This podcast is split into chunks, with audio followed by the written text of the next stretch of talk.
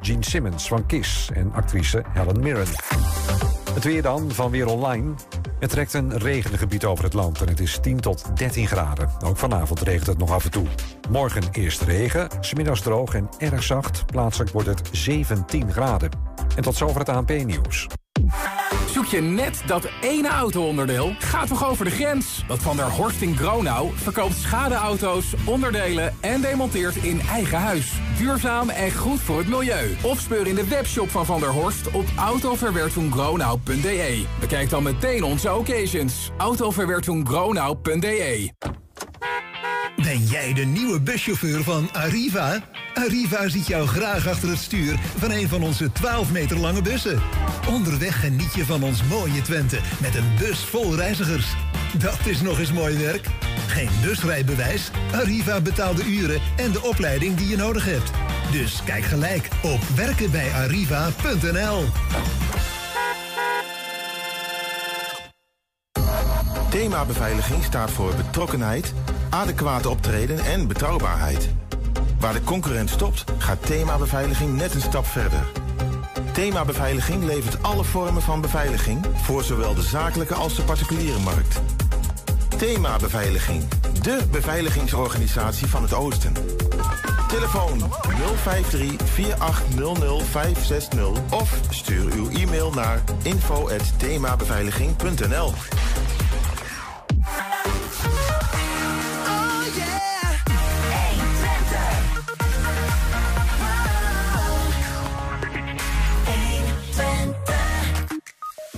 Buschauffeurs staken vrijdag. Tenminste, als de nieuwe vervoerder Arriva niet heel rap het roer omgooit. Een expositie over en en vluchtelingen en een expositie over vrijwilligerswerk. Over vluchtelingen gesproken, hoe staat het met de opvang van de Oekraïnse vluchtelingen in Hengelo? We gaan er zo over praten. En we hebben een theatervoorstelling voor je over de dood. Het is woensdag 14 februari, Valentijnsdag. En dit is 120 vandaag. 120. 120 vandaag. Ja, maar Valentijn staat niet op het menu uh, vandaag, uh, Julian. We gaan het al over andere dingen hebben. Net even een korte aankondiging. En we beginnen met de opvang van Oekraïnse vluchtelingen aan de Hazenweg in Hengelo.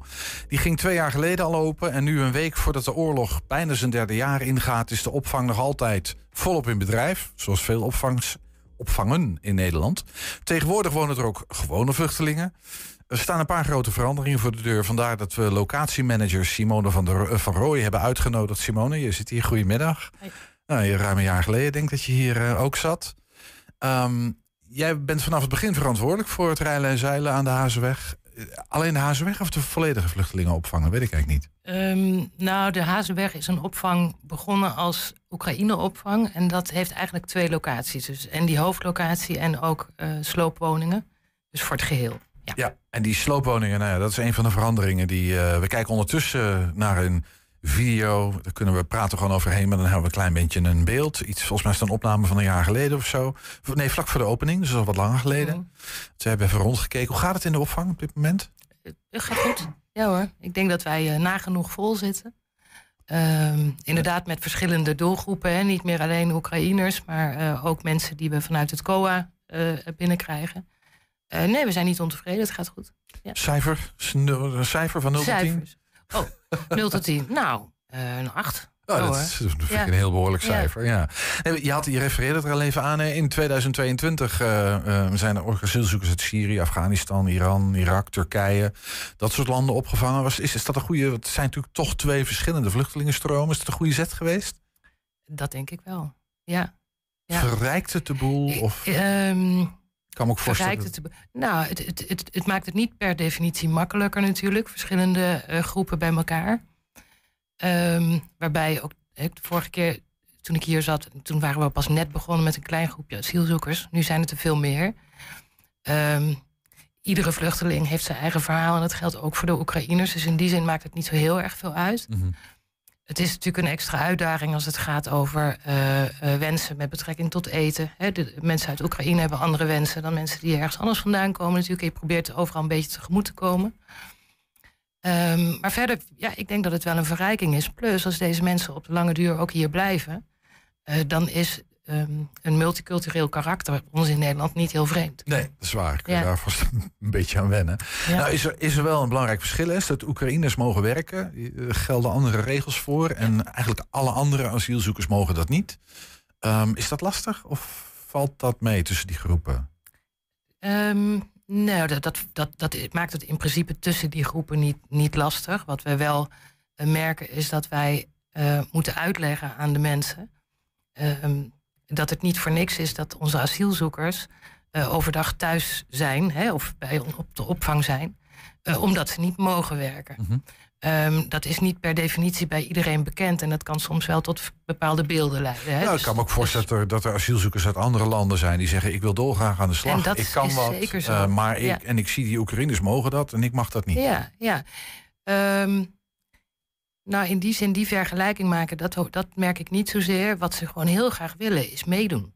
Iets terugdoen aan het werk, ehm, de dag een beetje betekenisvoller doorbrengen. Ja. Natuurlijk, dat willen ze heel erg graag. Er worden wel stappen in gezet. Hè. Er was een, een, een, eh, een, een- eh, ze moesten eerst 24 weken wachten, die eis is daar af. Er zijn nog veel meer dingen die moeten gebeuren voordat ze echt aan het werk kunnen. En de mensen die bij ons zitten. En een van de, van die zaken is bijvoorbeeld: je moet een BSN hebben en je moet zes maanden in Nederland zijn. De eh, mensen die wij hebben vanuit het COA, die zijn meestal net ter Apel binnengekomen en dan naar ons. Mhm. Die zijn hier nog niet zo lang. Die mogen dus niet werken. Nee. nee. Dus dat verschil is wel groot. Want van de Oekraïners die we hebben, zijn er ongeveer 200 aan het werk. Van de hoeveel Oekraïners die jullie in totaal opvangen? Van de Eh, een beetje- 470. Ja, dus, dus dik, de, nou nee, bijna de helft is aan het werk. Maar 74 is inclusief kinderen, kan ik me is voorstellen. inclusief kinderen. Ja, Ja, dus dan moet je de rekenen, ehm, even snel uit, zo 130 ongeveer onder de 18. Ehm, dus die tellen we dan maar even niet mee. Dan is ongeveer de helft van de volwassenen is aan het werk. Ja. Dus Ja, dat, dat- is. eh, dat hoor je veel, behoorlijk. hè? Dat, dat hoor je eh, van Oekraïners in verschillende opvangsituaties. Hoor je dat vaak. Ze Ja. volop aan het werk zijn. Ja. Ja, op zich goede zaak volgens mij. Ehm, even, even wat cijfers. Er gaan een hoop verschuivingen plaatsvinden. Er zijn- zitten nu 100, 270 Oek- eh, Oekraïners. Eh, 200 nog in sloopwoningen in de nijverheid, als ik het goed begrepen heb. 155 andere asielzoekers, waarvan 43 derde landers. Dat zijn dan niet Oekraïners, die wel in Oekraïne waren toen de pleuris uitbrak. ja, En zijn meegevlucht deze Ja. kant uit. zo is het. Ehm, nou, die, die, die, die hebben we even, laten we beginnen bij die derde landers. Die moeten binnenkort weg. Ja, voor hun houdt die tijdelijke bescherming houdt op. eh, begin maart. En dan hebben ze nog een periode van 28 dagen om eh, nou ja, dat vertrek hè, helemaal compleet voor te bereiden en, eh, en, eh, eh, nou ja, en, en, en weg te gaan. Dus dat betekent dat wij in de loop van de maand maart, uiterlijk de eerste dagen van april, eh, van die mensen afscheid gaan nemen. Ja, en die moeten eh, dan of terug naar hun thuisland... of de reguliere asielinstroom in, of Eh, allerlei in- in, varianten. In, een enkel geval, sommige gevallen hebben, is dat al, hebben, ze die, is die poging gedaan, zeg maar, en is- was dat niet succesvol. Ehm, en, en ze zoeken veel hun heil gewoon in andere landen. Dus er worden veel plannen gemaakt om eh, ergens anders naartoe te gaan. Dat kan me voorstellen dat het wat onrust veroorzaakt onder deze groep. Ja, nu niet meer zo. Dat was in het verleden zo, omdat de verlenging dat zij gebruik konden maken nog, hè, of dat zij ook onder die richtlijn tijdelijke bescherming vielen. eh, het is een paar keer uitgesteld of een paar keer verlengd. Dat maakt het eh, allemaal heel onduidelijk en onzeker, was vervelend. Nu is het wel duidelijk. Ja, het is duidelijk en er is ook wel een aanloop geweest. We zagen dit natuurlijk wel aankomen. Het, is ja, niet, het komt niet rauw op het dak vallen. Nee hoor, een lange Nee, aanloop. nee. Ja, ja. En het is een landelijke regeling, even voor de, voor de helderheid. Hè. Dat is niet iets wat Hengelo beslist. Nee. Ehm, en volgens mij komt hij erop neer dat ja, in principe houden deze mensen bedden bezet voor, zeg even, echte vluchtelingen. Eh, eh, zo is het. Ja. In principe zijn het mensen die terug zouden kunnen keren naar een land van herkomst, wat eh, gezien wordt als veilig land. Nou ja, en, en dat kan dan. En dan kunnen we de Oekraïnse mensen die het nodig hebben opvangen. Ja. Ja. Ja, daar komen, ook, daar komen we zo nog even over. Ja. Maar eh, verhuizen sowieso Oekraïners vanuit, je had het al over die sloopwoningen, Ja. Ehm, vanuit de nijverheid, wijkje in Hengelo, waar woningen gesloopt gaan worden. Dat gaat nu echt gebeuren. Dus die, gebeuren. Die moeten ook verhuizen en die komen allemaal nu bij jullie terecht. Nou, dat is het alternatief wat wij aanbieden. Want dat is wat we hebben als gemeente. We hebben tijdelijk, en dat was hartstikke fijn, gebruik kunnen maken van die woningen. Nu kan dat niet meer. Eh, dan is de Hazenweg, dus die grote locatie, het alternatief dat we bieden. Ehm, daar maken een heel aantal mensen gebruik van, sommigen ook niet. Nee. Heb je al een beeld van hoeveel mensen jullie extra moeten gaan opvangen? Dus dan hebben we het over zo'n 100 eh, asielzoekers. Eh, en, en dat zijn gezin, eh, gewoon samenstelling even. Moet je dan gezinnen opvangen of zijn het ja, alleenstaande? vanuit de nijverheid heb je nu over. Hè? Ja. Dat, dat zijn eigenlijk vrijwel allemaal gezinnen. Of een bepaalde samenstelling van een huishouden. Bijvoorbeeld een oma, moeder en een dochter. Ja. Zoiets. Oké, ehm, er zijn een paar uitzonderingen geloof ik van eh, mensen voor wie wel wat een alternatief geregeld wordt. Ja, klopt. Ehm, als we echt vinden dat het. ehm, nou ja, dat, dat zo'n hoofdlocatie zoals wij hem hebben echt niet geschikt is voor eh, een bepaalde groep, dan gaan we kijken of we iets anders kunnen vinden. Dan moet je denken aan mensen met een, eh, een bepaalde fysieke of eh, mentale beperking. Of aan heel kleine kindjes. Eh, kinderen die bijvoorbeeld pas geboren zijn. Ehm, zo hebben we een aantal eh, criteria eigenlijk, want je zal er toch een beetje zakelijk naar moeten kijken. Anders, je kunt het niet 200 mensen evenveel naar de zin maken. Eh, criteria op basis waarvan we hebben gezegd van nou ja, als, als, als dat de situatie is, dan gaan we kijken of we een alternatief kunnen vinden binnen de regio. Dus dat doen we ook. Dat bieden we dan een keer aan. Ehm, of mensen kunnen zelf iets anders gaan, gaan proberen te vinden. Ja, natuurlijk, dat is ook zo. Nou, maar ik kan me ook voorstellen, dit zijn mensen die hebben nu bijna twee jaar, ja. een beetje afhankelijk van wanneer ze gekomen zijn, maar die hebben toch een flinke tijd een soort zelfstandig gewoond. Hè? Gewoon eigenlijk een eigen huisje, een eigen Ja. plek. Ja. En die moeten nu naar een, ja, toch een groepsgebeuren toe, waarin andere regels gelden misschien. Eh, Dat is ook wel even aanpassen voor deze Zeker. mensen. Ja. Ik denk dat dat heel moeilijk is. Ehm, dat was natuurlijk voor de mensen die daar nu al twee jaar wonen ook even aanpassen. Hè? En die doen het al twee jaar. We zien dus ook dat het goed kan. Mhm. Ehm, we denken dat we een hele goede opvang kunnen bieden. Is het heel fijn om met heel weinig privacy hè, daar te wonen? Nee, natuurlijk niet. Dat is niet zo. Dus ehm, het- het- dat, wordt even, dat wordt echt wel even wennen. Ja. ja. En goed, daar Ja. bereiden jullie je ook voor om Zeker. deze mensen op die manier te begeleiden en gewoon te integreren in nou ja, wat jullie daar hebben op dit moment. Mhm. Maar eh, plek genoeg, er gaan er 50 uit. Even naar je 43 zijn het er geloof ik, hè? Die, die derde landers die verdwijnen. Er komen er dan zo'n, nou ja, 100 ongeveer terug. Dat gaat Zo passen allemaal dat- nog. Mm, jijn, zeg je dan geloof ik. Hè? Eh, dat gaat uiteindelijk natuurlijk gewoon passen. Wij eh, zijn die gecombineerde opvang. Dat willen we ook heel graag blijven. En eh, we weten allemaal dat het ontlasten van Ter Apel nog altijd nodig is. Dus dat blijven we ook doen. Ehm, dat zou kunnen betekenen dat wij tijdelijk ietsje minder... en dan moet je denken aan bijvoorbeeld een periode van een maand of zes weken... ietsje minder asielzoekers opvangen... en vervolgens gewoon dat weer proberen op te plussen. Ja. Ehm, ja, omdat het is een logistieke operatie en die verhuizingen vinden niet allemaal eh, eh, eh, precies na, na elkaar plaats. Dus we moeten dat even zien te organiseren. Ja. Nee, ik vroeg me ook af wat het gaat over. je zegt de logistieke operatie gaat over bedden en plek natuurlijk gewoon. Maar gaat, gaat het ook niet over handjes? Gewoon mensen die ehm, nou, ze kunnen opvangen, die de begeleiding kunnen geven die nodig is, eh, vragen kunnen beantwoorden. Heb je voldoende vrijwilligers, ehm, mensen vanuit de gemeente? Heb jij voldoende mensen om dat allemaal goed te kunnen doen? Ja, ik, we hebben voldoende mensen. We hebben voldoende mensen, eh, vaste krachten, zeg maar, hè, op Mhm. de locatie. Ehm, als het gaat over voldoende vrijwilligers, die, die hebben we veel en dat is super fijn.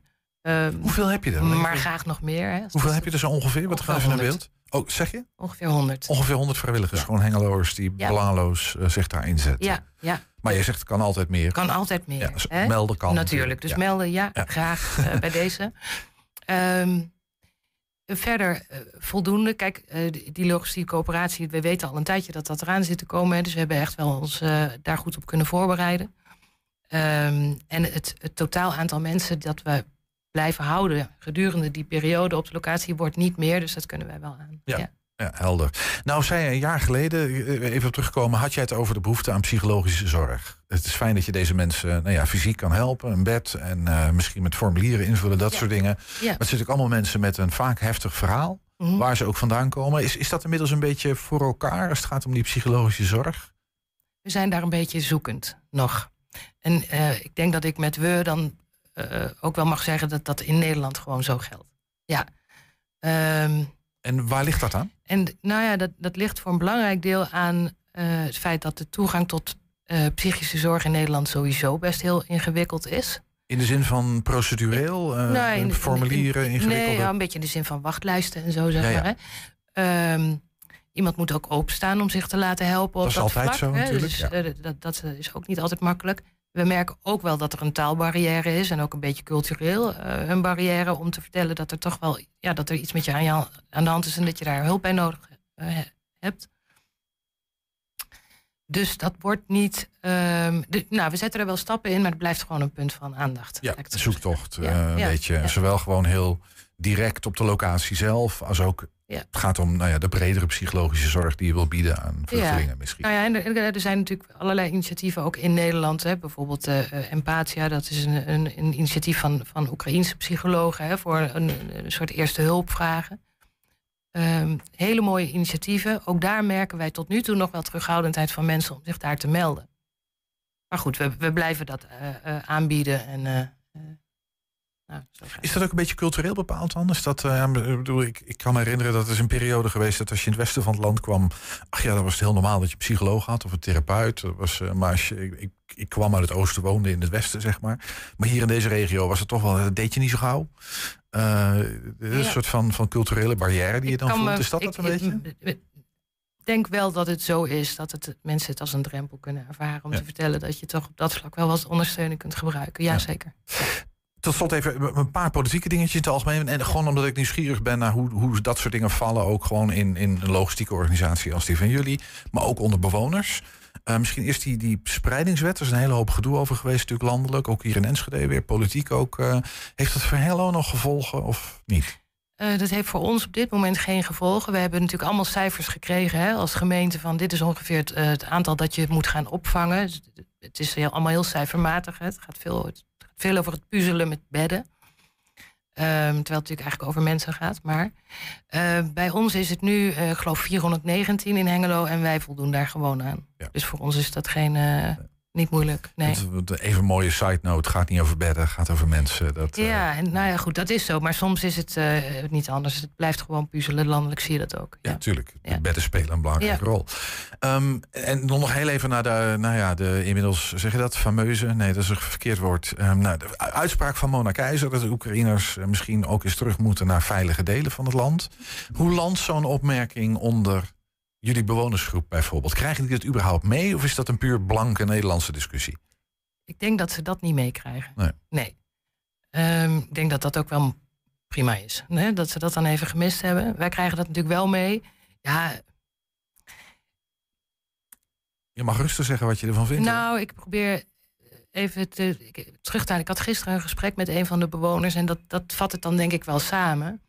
Eh, het zijn een beetje dagkoersen. De, eh, de ene dag denken ze van... goh, mijn kind spreekt al aardig Nederlands. Misschien is dit het voor langere tijd... en kan ik uiteindelijk wel terug. De andere dag denken ze, het gaat niet meer gebeuren. Ik blijf voor altijd hier. De volgende dag zijn de berichten vanuit het front gewoon wat beter en gunstiger. En denken ze, hé, hey, wie weet, in de lente kunnen we weer terug. Ja. Ehm, het gevoel is echt niet, ook niet als je een keer voor twee weken op familiebezoek gaat, dat het veilig genoeg is om terug te keren. Dus ik vind zo'n uitspraak, ehm, nou, niet handig. Nee. Nee. Nee, het is misschien leuk voor de politieke bühne, maar eh, Ja. Eh, een beetje verstoken van realiteit, dat is wat ik je hoor zeggen. Ja. Ja. Ehm, nou ja, we gaan, eh ik kondig dat al een beetje aan. De oorlog gaat bijna het derde jaar in. Ehm, hoe ver kijken jullie vooruit? Of zijn het ook voor jullie een beetje dagkoersen? Van ja, we moeten het ook een beetje zien hoe het, hoe het gaat. Nou, wij willen heel graag verder vooruit kunnen kijken. Hè, we zijn destijds natuurlijk, eh, eh, moest het allemaal onder stoom en kokend water. We willen juist graag uit die crisismodus blijven met elkaar. Daar zijn we nu uit, dat willen we zo graag zo houden.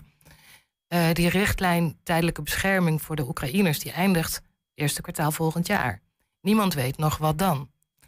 Wat wij wel weten is dat de Oekraïners die dan bij ons wonen... niet ineens de gemeente uit zijn. En dat geldt voor alle Nederlandse gemeenten. Dus helderheid over welke scenario's zijn er dan mogelijk... en wat betekent dat voor de gemeente... is echt heel belangrijk. Ja, en dat is een appel aan de politiek. Absoluut. Ja. Ja, Helder. ja. Nou, dat is bij deze dan Nou, bij genoteerd. deze gedaan. Ja. Hoop dat het doorkomt in Den Haag. Als ze een beetje verstandig zijn, doen ze dat. Simone Verrooy was dat. eh, verantwoordelijk voor de Oekraïneopvang eh, in Hengelo. Zeg ik maar even heel kort door de bocht. Bedankt voor je verhaal. Succes met de voorbereidingen van de veranderingen. En we houden contact. Zeker, dankjewel.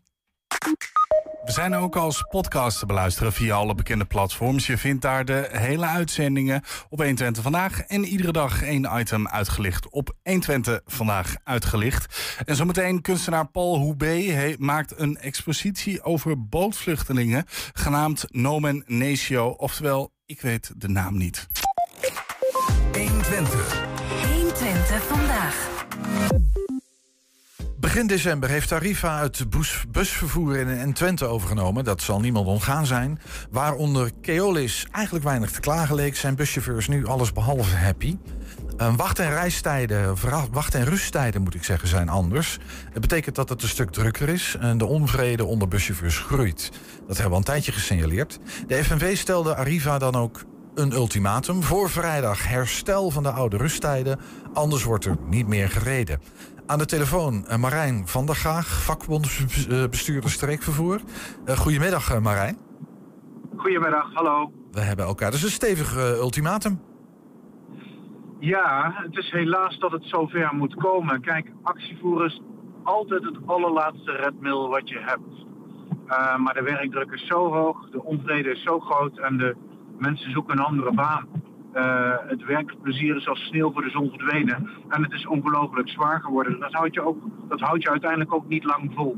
Dus Nee, helder, vandaar ja. dat het echt een noodkreet is. Ja, we hebben net al een, eh, een, een, een ad- een advertentie van Arriva. eh, heeft de, passeerde de revue waarin gevraagd wordt om buschauffeurs. Maar het is zo nijpend als dat jij nu aangeeft. Ja, zeker. Want ehm, per 10 december heeft Arriva als nieuwe vervoerder de vervoersconcessie Twente overgenomen.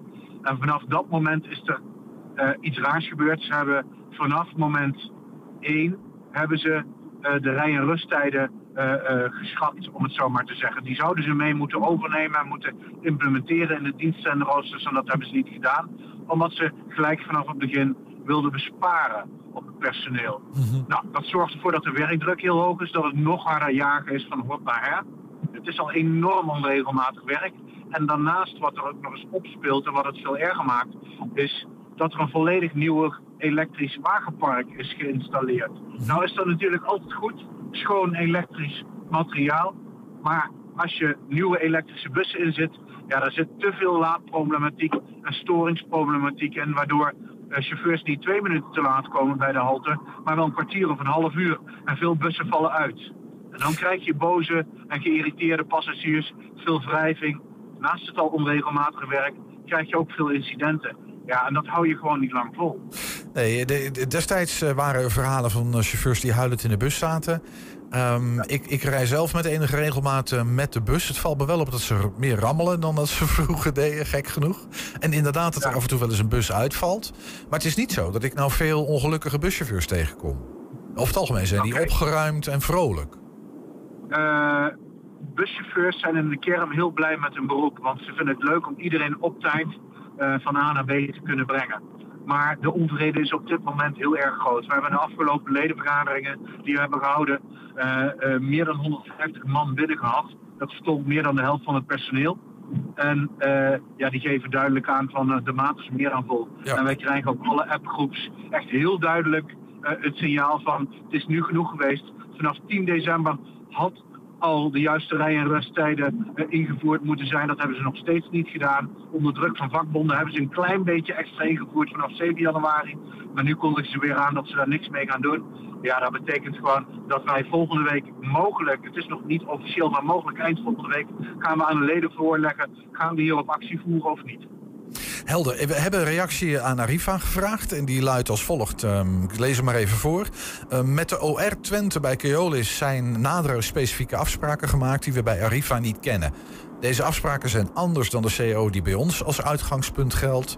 En hierover zijn we nu in gesprek met onze ondernemingsraad, niet met de vakbonden. Dus gesprekken lopen nog. Jullie lopen, op de, Eh. jullie lopen op de muziek vooruit, als ik dat zo lees.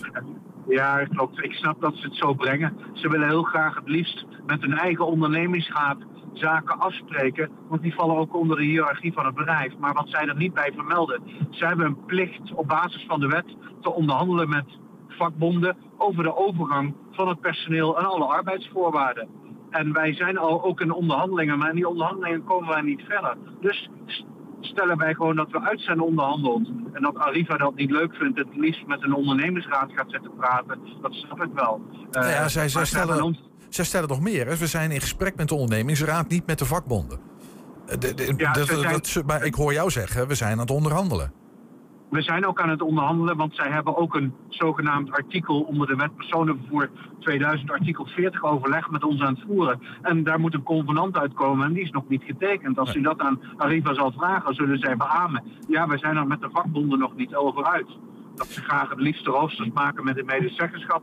Dus leuk en aardig, maar de basis voor de roosters, voor de chauffeurs, die is gelegen in de arbeidsvoorwaarden die mee moeten overkomen vanuit Keolis. En is dus onderdeel van de onder- overgangsonderhandelingen die plaatsvinden met vakbonden. Ja, Ja. dat stellen ze er niet bij. Daar kan ik, daar kan ik niks aan doen. Nee, snap ik. Maar dat is, dat is helder, Marijn. Maar, maar de, dus de, de stelling dat jullie nog niet aan tafel zouden zitten, dat, daar, daar klopt eigenlijk niks van. Dat is wat ik je hoor Nee, we zeggen. zitten, we zitten met ze aan tafel en we sturen ook naar elk overleg een brief naar Arriva. eh, eh, en waarin we constateren wat, is, wat de stand van zaken is en dat we nog niet zijn waar we willen zijn. Nee, en ik kan u die brief en die correspondentie gewoon toesturen als u dat wenst. Ja, dat, ik vermoed dat dat ook gewoon openbaar eh, zal zijn in dit soort situaties, kan ik me voorstellen. Hoe zit dat met die OR? Is, is, staat die OR achter deze staking? Eh, heb je die mee? Hoe werkt dat?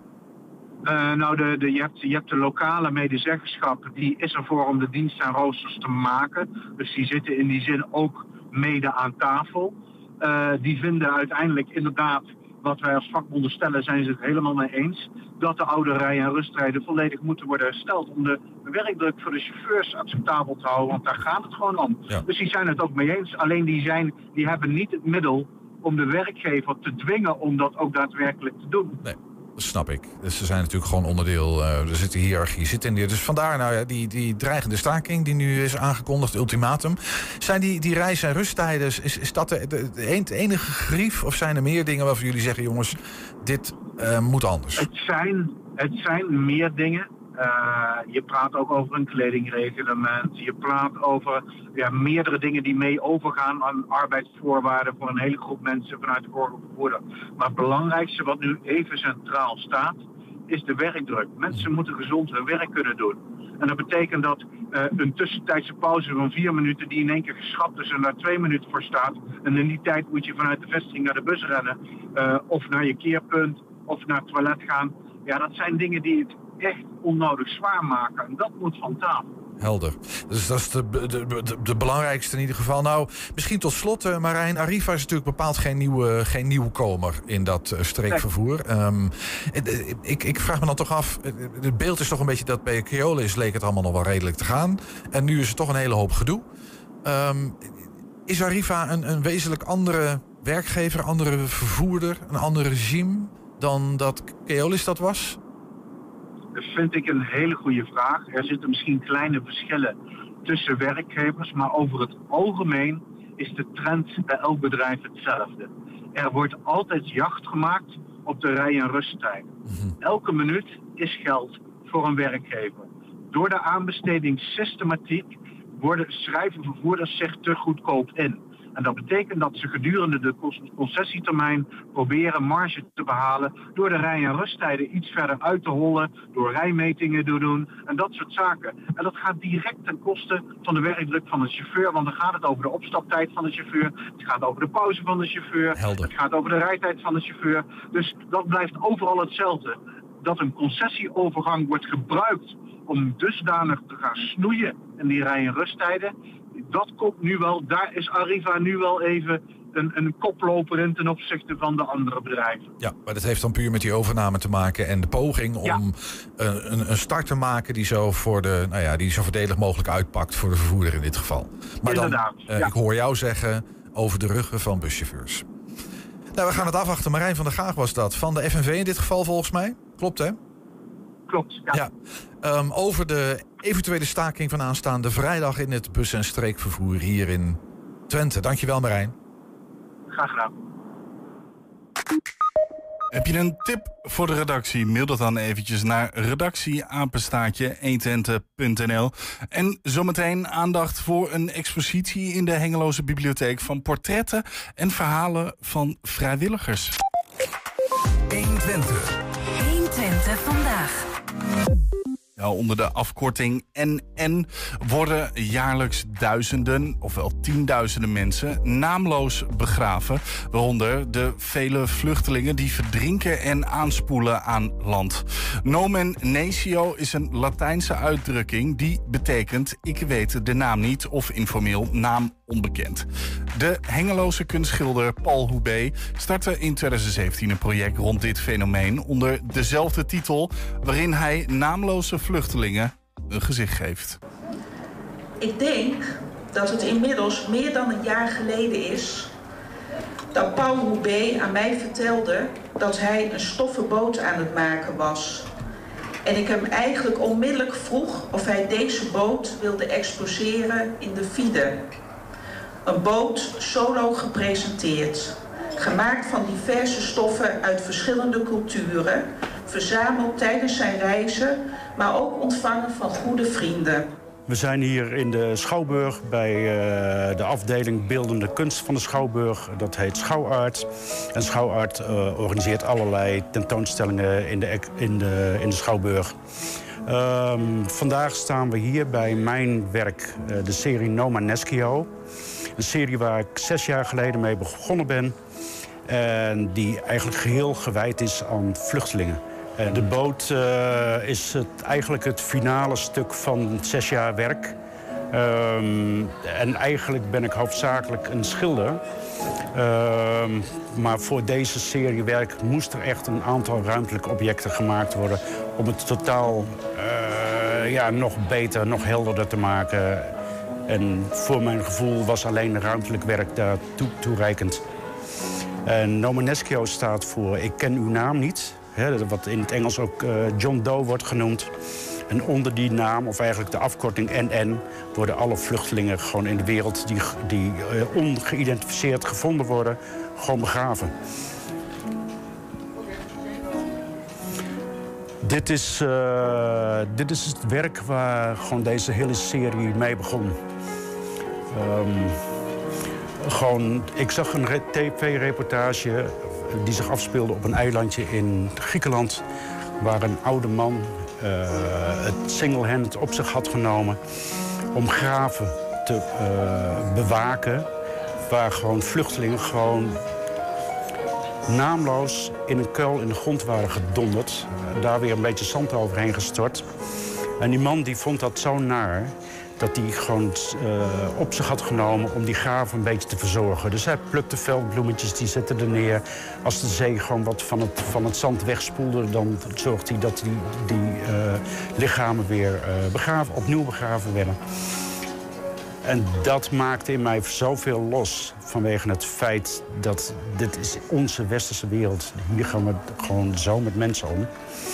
En niet als een politiek statement, maar gewoon puur als mens tot mens. Gewoon, zodra we iemand uh, de hand toesteken, is het, is het geen onbekende meer. En die vluchtelingen zijn gewoon voor ons allemaal onbekende. Niemand steekt ze de hand toe. En dat is waarom ik deze serie gewoon moest maken. Um, dit, dit zijn dan met name de schilderijen en, en ja, relatief veel portretten. En eigenlijk probeer ik gewoon voor mij doen de vluchtelingen gewoon een gezicht te geven en dichterbij uh, te laten komen dan, uh, dan zeg maar krantenartikelen, waar het vaak om het grote probleem gaat en niet meer om de mens. En mij gaat het juist wel om de mens. Ik wil de mens in beeld brengen. En soms zijn ze gewoon... Bedoel, als je zo'n zo'n kindslachtoffer ziet... is natuurlijk gewoon eigenlijk een heel, heel hard onderwerp. En toch probeer ik dat gewoon zo liefdevol en zo zacht mogelijk in beeld te brengen. Zodat het toch een mens kan raken. Daar waar, waar de media er vaak aan voorbij schiet. Dit is wel het meest uh, aangrijpende werk uh, wat hier nu hangt. Um, ja, en het, het, is natuurlijk gewoon een hartstikke naar beeld. Uh, om zo'n uitgeteerd uh, jongetje te zien. Maar dit is wel onze hedendaagse realiteit. En, uh, en als we vaak kunnen we niet meer naar die beelden kijken. En daarom heb ik met opzet geprobeerd om ja, dat jongetje zowel bijna doorzichtig te schilderen... als ook gewoon, gewoon heel zacht en liefdevol. Ehm, ik hoop gewoon dat mensen ernaar kunnen kijken. Kijk, als je bijvoorbeeld dit, dit werk ziet, gewoon een kleine aquarel... Ehm, dat laat ook tegelijkertijd eh, gewoon aan de ene kant een kind in een vluchtelingenkamp zien... aan de andere kant de rekbaarheid van kinderen die gewoon toch weer gaan spelen... en die toch weer vermaak zoeken voor zichzelf. en dat is niet iedereen gegeven. Hè? Naarmate de slachtoffers gewoon van eh, de vluchtelingen gewoon ouder worden... levert dat vaak meer problemen op.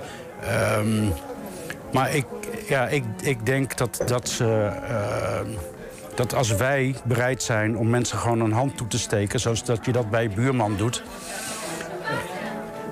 dan geven ze in ieder geval een kans.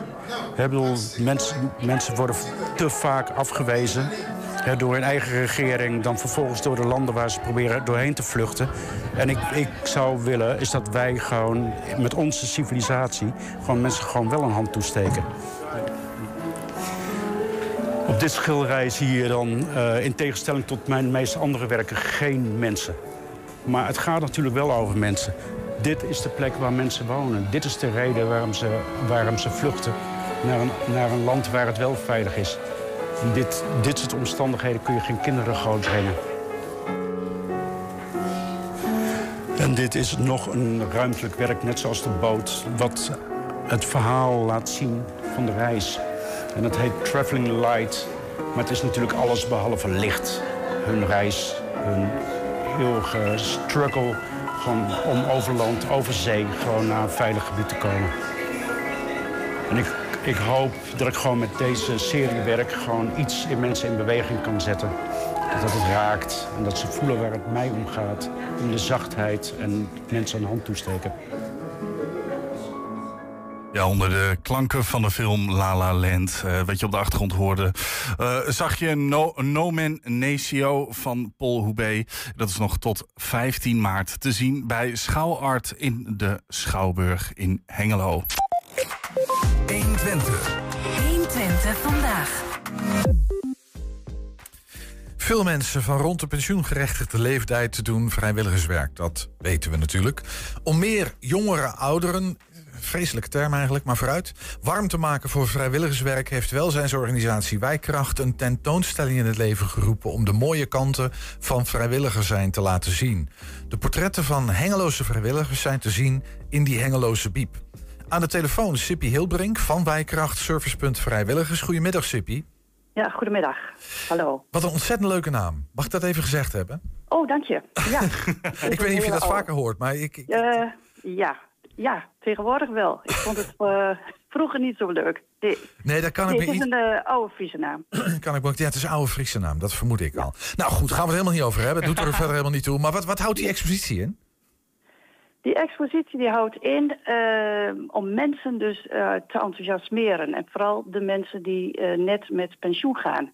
En de gepensioneerden en ook hun partners. Om een beetje dus bekend te laten maken met vrijwilligerswerk.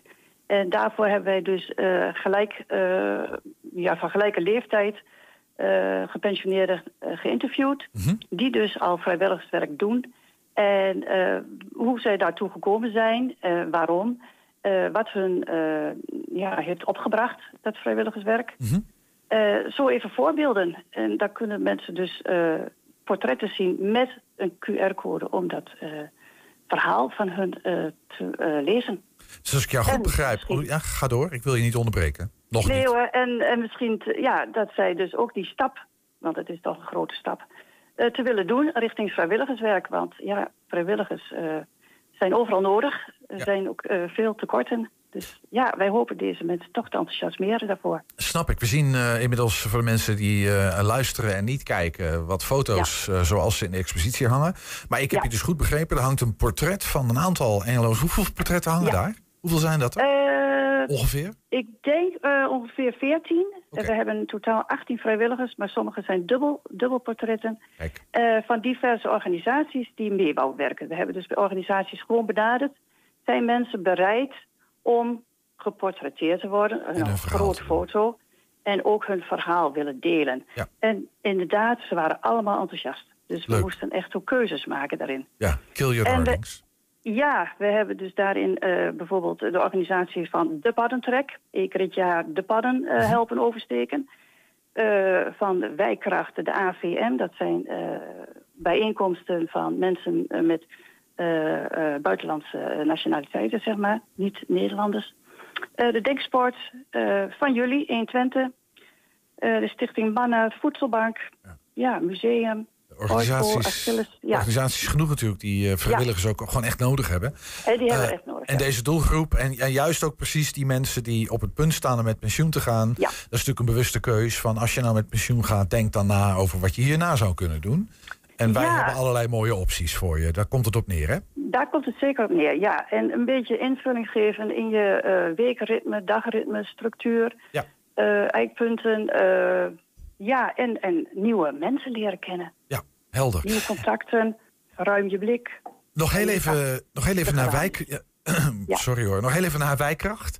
Want dat is een term die wij misschien wel kennen. Maar wie, wie zijn jullie eigenlijk precies? Eh, wij zijn eigenlijk, ja, wat zo mooi gezegd wordt, het sociaal domein van de gemeente. Ja. Wij eh, hebben allemaal projecten die de gemeente uitzet. Die voeren wij dan uit in de, de hele ja, gemeente, eh, samenleving van, eh, van Hengelo. En als mensen contact met jullie opnemen, dat is natuurlijk de bedoeling. Hè? Als mensen deze expo zien en zeggen van nou, ik wil me wel eens verdiepen in dat vrijwilligerswerk. Hem. wat, wat gebeurt er dan als ze contact met jullie opnemen? Jullie matchen dan of zo? Zoeken naar een plek? Hoe gaat dat? Eh, Ja, eh, nou, wij laten mensen daarin vrij. Wij helpen ze zoeken naar passend vrijwilligerswerk. Mhm. Dus samen om de tafel zitten. We hebben een website. Ze kunnen thuis ook even nog googlen voordat ze bij ons komen. En mensen die dus moeite hebben om contact te leggen, die eerste stap te doen... daar kunnen wij ook eh, in verzorgen door mensen te begeleiden. Helder, begrijp ik. Ik begrijp dat jij zelf vrijwilligerswerk doet, Ja. Sippy. Wat, wat, wat vind jij er zo leuk aan? Eh, ja, inderdaad, mensen ontmoeten. Wat, Ja. wat, wat doe je? Even voor de helderheid, dan weten we ook even wat je zit doet. dus bij Wijkracht vrijwilligerswerk. Ik zit in de bibliotheek. Oh ja. Daar zitten wij dus als organisatie van het vrijwilligerswerk van maandag tot en met donderdag. Van 9 tot 2. Eh, en dan geven we mensen dus informatie. En ik doe dan eh, meer het administratieve werk, oftewel de website bijhouden. Eh, kijken of de vacatures goed zijn qua taal en zo. En mensen ontvangen. Ja, Aan de balie komen. maar dat is heel makkelijk. De expositie in de bibliotheek is op het moment dat je vragen hebt. Wijkracht zit daar ook. Zit Even bij jullie naar ja. binnen stappen, praatje maken, kopje koffie. Jullie hebben vast koffie, Ja. denk ik. Ja, zeker. Hebben we. Ja hoor, kom maar boven. Hartstikke goed. Tot wanneer is de expositie te bezichtigen? Eh, deze is tot half maart en dan gaan we door naar het museum. Dan komt daar de expositie te hangen. En het museum, En- help me even, want ik ben Oh, geen Hengelo. Museum? Hengelo, Museum aan de. Beekpraat. Ah, kijk. Ja. Oké. En dan eh, gaat het hopelijk verder in de wijkcentra. Nou, hartstikke goed. Sippy Hilbrink was dat. Ik hoop dat eh, deze expo en de gesprekken daarna heel veel mensen weer van een zinvolle, nou ja, een, een, zinvolle, iets oudere leeftijd, zeg maar. Ja, van hun tijd. Ja, toch? die, ze, die ze nou rijk zijn, de vrije tijd. Precies. Invulling. Sippy, dankjewel. Ja, graag gedaan. Bedankt. 120. 120 vandaag. Stefan ten Voorde was terminaal ziek, kanker, na een roerig leven. Hij ondernam een roadtrip nog één keer met een paar hele goede vrienden. En hij wilde het theater in, samen met vriendin Dorothee Loorbach.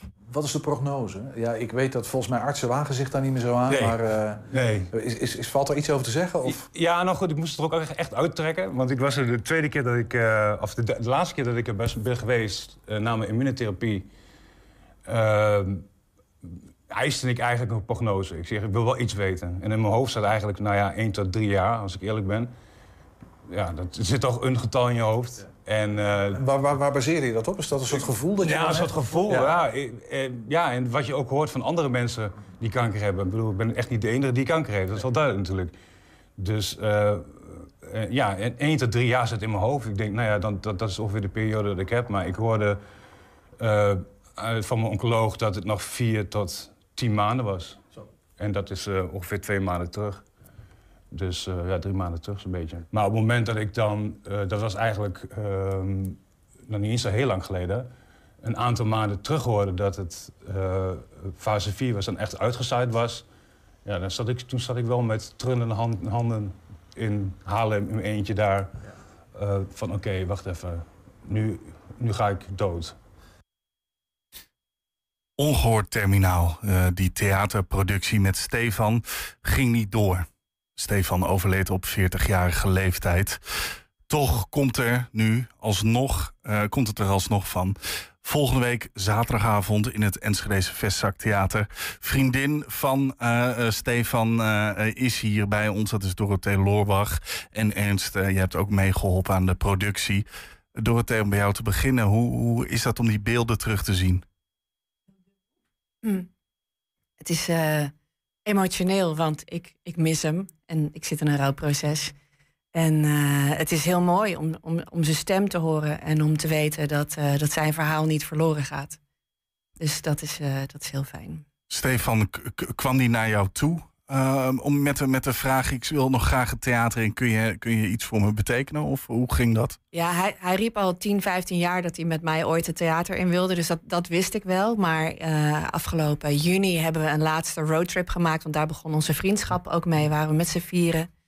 En, um, en toen zat ik op een gegeven moment urenlang met hem voorin de camper. En uh, toen waren we aan het praten. En toen ja, toen, toen deelde hij dat hij, dat, hij, dat hij op zich wel vrede had met zijn diagnose, maar dat hij nog zo graag het theater in had gewild en nog, en nog zo graag iets had willen betekenen voor anderen.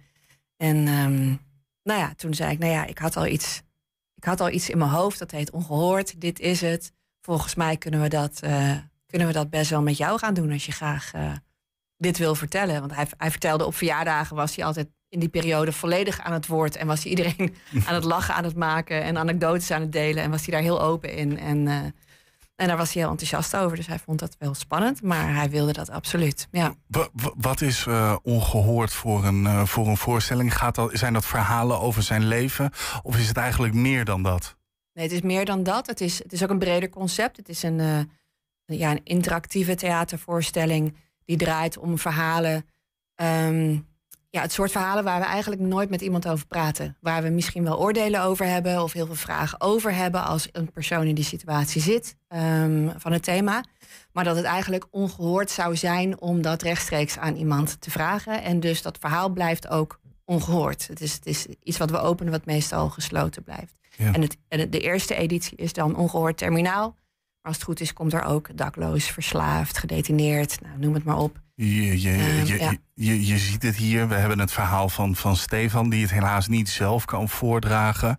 Dat en, ook iemand die jij goed kent. Ja. Het is wel heel kwetsbaar opstellen naar een zaal uh, vol vreemden eigenlijk. Is dat niet moeilijk? Ja, ja, nou het moeilijke is dat er ook andere vrienden van Stefan komen.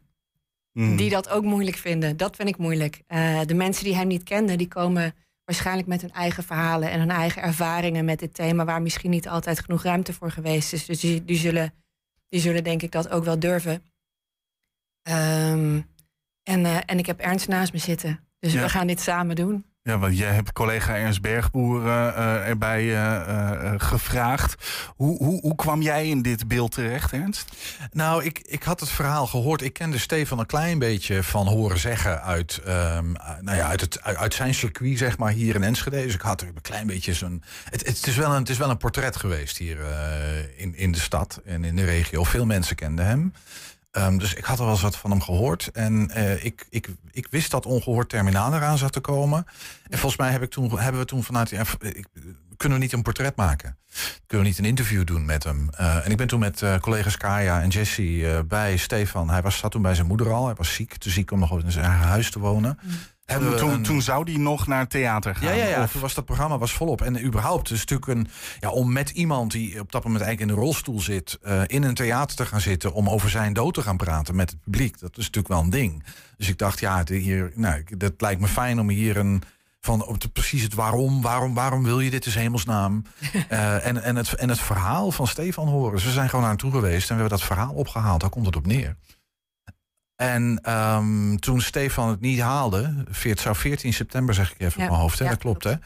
hè? Um, hadden we natuurlijk die footage, hadden we, hadden we die video, mm. een uur lang ongeveer, het gesprek van bijna een uur. Mm. Um, en we hadden al gezegd, het lijkt ons ook wel mooi om dan nou, die registratie van ongehoord terminaal, om daar wat mee te doen. En misschien de, de dingen die Stefan zegt in die video, om dat aan te kleden met reacties uit het publiek of wat er dan in de zaal gebeurt. Dan krijg je natuurlijk een heel mooi document over een thema nou, waar, we, wat, waar we best moeilijk over praten soms. Dat was ongeveer het concept. Gaan we nog steeds doen overigens? Ja, nee, daar komen we zo meteen op. Wat er, wat er nou precies allemaal gaat gebeuren. Maar toch ook nog even, kijk, ehm, wij maken al een aardige tijd 120 vandaag. We hebben daar ook mee te maken gehad dat wij uiteindelijk iemand interviewen die later kwam te overlijden in de vorm van René Bouwman.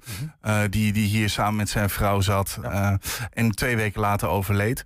Hoe is dat als, als journalist? Als, eh, je, je raakt iemand wel op zijn kwetsbaars. Wat, wat doet dat met een journalist als, als jij, Ernst? Nou, ik, ik moet je zeggen, ik ben niet zo eh, bang om over dit soort thema's te praten. Ze zijn zo intrinsiek menselijk. En ehm, ik, ben ook, ik vind het niet erg om, om geraakt te worden. Of ehm, ik, ik, ik, kan me, ik voel me heel open om me kwetsbaar op te stellen. Laat ik het, misschien moet ik dat zeggen. Dus kom erop met die verhalen. En op het moment dat iemand dat soort verhalen wil delen. Ja, eh, eh, Julian, dit gaat over ons mensen. Dit, dit hoort zo bij het menselijk bestaan. Het raakt ons allemaal. Uh, dus ik vind het dan tof als dat bij ons in de stad gebeurt of in onze regio en iemand zegt ik wil mijn verhaal vertellen. Ja, dan ben ik heel nieuwsgierig. Wil ik dat verhaal heel graag horen. En ik ben ook een verhalenverteller. Dus als ik het dan kan doorgeven aan andere mensen, wie weet heeft iemand daar wat aan. Dus uh, nou ja, dat is, dat is een Is- beetje mijn insteek. Is, is dat voor jou ook zo, eh, Dorothee, dat als je hem nu terugziet, dat je hem herinnert dat je daar meer positiviteit uit haalt dan ook wel een soort van verdriet? Of? Oh, bijna alleen maar positiviteit. En het, het moment was ook heel bijzonder, want de Ernst is echt de laatste geweest. Ik was erbij natuurlijk, maar de laatste geweest die hem zo uitvoerig en helder nog heeft kunnen spreken voordat hij echt Ja. ging sterven. Want dat is daarna heel snel gegaan. Dus het was ook het meest lucide moment, denk ik, wat hij in zijn hele leven heeft gehad. En daar komen hele mooie fragmenten uit. En dat is, dat is alleen maar heel tof om dat te kunnen delen met mensen. Nu, nu ga ik de standaard vragen, wat je natuurlijk altijd aan een maker wil stellen: van wat, wat is een, een mooi verhaal wat bijvoorbeeld voorbij komt, wat je wel kan delen? Zonder alles weg te geven, natuurlijk. Wat je met Mm. Stefan hebt meegemaakt. Ik denk dat dat onze camper, eh, ons camperverhaal misschien wel. Eh, het is jouw verhaal. is- eh. ja, er zijn zoveel mooie, mooie verhalen. Maar één moment was wel, wel tekenend dat ik, ik heb in de afgelopen jaren best wel wat mensen verloren. En daar ook heel dichtbij mogen zijn in het overlijdensproces. En eh, ik had een soort arrogantie ontwikkeld dat, dat, dat ik deze roadtrip inging met ik weet nu wel hè, hoe dat moet met iemand die doodgaat. En Roy, die vriend van ons trouwens, die had ook een romantisch beeld van... wij gaan nu een laatste trip maken. En dat, dat wordt alleen maar gewoon heel veel knuffelen en huilen en lachen... en mooie verhalen delen. En Steve, wat heb je nodig? Dus ik zat naast Steve in de, in de camper toen hij reed. En ehm, hij was heel druk met van alles. Hij wilde graag controle hebben op dingen. Dus hij was routes aan het uittekenen. En eh, we moesten per se zijn muziek en zijn eten en zijn drinken... en zijn moment, alles, alles had hij onder controle. En toen, ik probeerde de hele tijd een beetje wanhopig om dan dat diepere gesprek te hebben met hem. En, eh, en ik was echt bezig met van, nou, wat gaat er nu door hem heen, weet je wel? Dus als hij daar zo, als hij daar zo rijdt, ziet hij dan de bergen en zo van, oh, ik zie ze voor Want het wat, eerst. waar gingen jullie heen? Oh, we Eh, gingen eh, van, eh, van Nederland uiteindelijk naar Kroatië met allerlei omwegen. En hij wilde heel graag nog een keer in de bergen rijden. Dus ik dacht, nou, ziet hij nou deze bergen voor het eerst? Hè, dat hij dat zo ervaart? Of denkt hij, oh, ik zie ze voor het laatst? Of iets anders? En, en hij had echt zoiets van, "Jee, doe, doe niet zo moeilijk. Ik rij gewoon. Laat me. hij was gewoon op vakantie. En dat was voor Roy en mij met name, was dat gewoon twee weken lang, was dat heel erg zoeken naar, ja, wanneer hebben we nou dat bijzondere moment waar wij nog 40 jaar op gaan terugblikken, weet je wel? En dat, dat kwam eigenlijk helemaal niet. dat deelde hij met de Uber-chauffeur aan wie hij zijn hele levensverhaal in 10 minuten vertelde, maar niet met ons. Ty- Typeert dat hem ook? ja, zeker wel. Ja, ja. Ja. Dat is echt wel, eh, wel typisch. En ook dat hij er gewoon heel veel foute grappen over maakte. En gewoon mensen op die campings echt wilde chockeren met van... eh, ja, ja, ik ga dood. Ik heb kanker. Ja, en dan ging hij er hele foute grappen over maken... waardoor die mensen alleen maar ongemakkelijker werden... terwijl hij humor gebruikte om ze gerust te stellen... dat het allemaal niet zo erg was. Dus ja, dat, eh, ik zou er een boek over kunnen schrijven. Nou ja, er komt een theatervoorstelling. Ja. Wat, wat, wat, wat had hij daar nu van gevonden? Stel je voor, hij zou nu op, op jullie neerkijken. Jullie Ja. staan daar de 24ste. Ja. Eh, wat, wat zou hij daar dan van vinden? Ik, ik denk heel tof. Ik, ik heb ook wel het gevoel dat hij zich er nog steeds mee bemoeit. Er gebeuren wel wat rare dingen waarvan ik dacht... oh ja, dit is typisch de control freak Steve... die nu eh, zich ermee aan het bemoeien is. Hij, ik denk dat hij het heel tof vindt. Omdat, omdat Ernst en ik het allebei niet zwaar of eh, sentimenteel of, of, of moeilijk maken. Er zitten gewoon heel veel leuke, grappige momenten... zullen er langskomen. En ook in de interactie met het publiek. Dus ik zal, ik zal ook niet... ehm, grappen achterwege laten. Of, eh, en ik hoop dat Mhm. de mensen in het publiek dat ook niet zullen doen, maar dat ze ook gewoon naar de donkere kanten kunnen kijken. Ja, want we, we gaan- we gaan weer even terug naar de avond. eh, eh, de 24ste, ik heb het al eventjes verteld. Eh, ho- hoe, hoe gaat jullie dynamiek eruit zien? Gaan wij beelden zien met, wat, eh, met theater of met een open mic waarin mensen verhalen kunnen delen? Hoe, hoe gaat het vorm krijgen? Ja, ik denk dat het, bedoel, eh, over de vorm moet je bij Dorothee zijn. Dat hele concept van, van, van term van eh, ongehoord is natuurlijk, en, en een beetje freestylen in theater, dat is wel echt aan, dat is, dat is Dorothee. Dat ben ik niet zozeer, maar ik denk dat het wel belangrijk is om te zeggen, ehm, is dat dit niet alleen maar een Stefanfeestje, zeg maar. Het is niet Mhm. een soort afscheid van Stefan, of we gaan nog één keer met Stefan. De, de, de- wat hij deelt in, in de video, en daar laten we fragmenten van zien, dat zijn eigenlijk thema's die, die naar ons gevoel heel vaak in stervensprocessen, die een beetje universeel zijn. Die je altijd tegenkomt. Wat jij net vertelde, je hebt verwachtingen. Mhm. Want ik ga nog één keer dat diepe gesprek met iemand Ja. voeren. En, en die ander heeft met, met hele andere dingen bezig. Weet je, dat lijkt me. En je hebt nog maar één kans, hè, op zo'n moment. Je- dit kan nog maar één keer. Mhm. Eh, dat zijn volgens mij dingen waar heel veel mensen in zo'n proces mee te maken hebben. Dus het gaat niet per se over Stefan. Stefans verhaal is de kapstok. Waar we dat soort nou ja, thema's die in dat soort processen spelen aan ophangen. En daar gaan we het over hebben. En, en eh, als het om de vorm gaat, eh, ja, dat, kan jij beter eh, beantwoorden dan ik. Maar dat is wel het concept. Ja, we hebben, we hebben, we hebben nou, aardig wat uur inmiddels samen doorgebracht om al die fragmenten te bekijken. En van ja, wat voor gesprekken zou dit kunnen opleveren. En daar hebben we een hele mooie selectie, denk ik, in, in gemaakt. En met name is er heel veel interactie met het publiek. Dus er zijn mensen die kiezen voor een zaalticket. Daar hebben we rechtstreeks gewoon mondeling en ook met briefjes en dergelijke. Kunnen ze alles vragen of inbrengen wat ze Mhm. willen. Mensen die een livestream ticket hebben, die kunnen via de chat eh, meepraten, hun vragen stellen.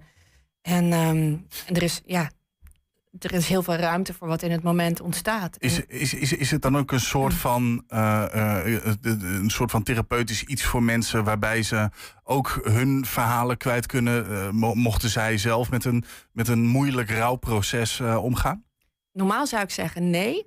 Maar ik, ik las, of ik hoorde laatst dat Alain de Botton heeft ooit gezegd: All art is therapy. Dus ik denk ja. In die zin, Ik denk, ja. ik denk in de zin van het is zelfexpressie. Het is, het is ruimte geven aan dingen. Er kan van alles ontstaan. En, en dan is het gewoon heel simpel dat als je iets wat je altijd binnen hebt gehouden, deelt met een aantal mensen in zo'n intieme setting, dan denk ik echt wel dat het ergens een beetje helend is. Ja. Ja, ik denk, maar ik denk, ik denk het is ook veel meer dan dat. In die zin dat ehm, dit gaat, is ook niet per se bedoeld. En misschien gaat het wel zo uitwerken, maar dat gaan we wel zien voor mensen die in zo'n proces zitten.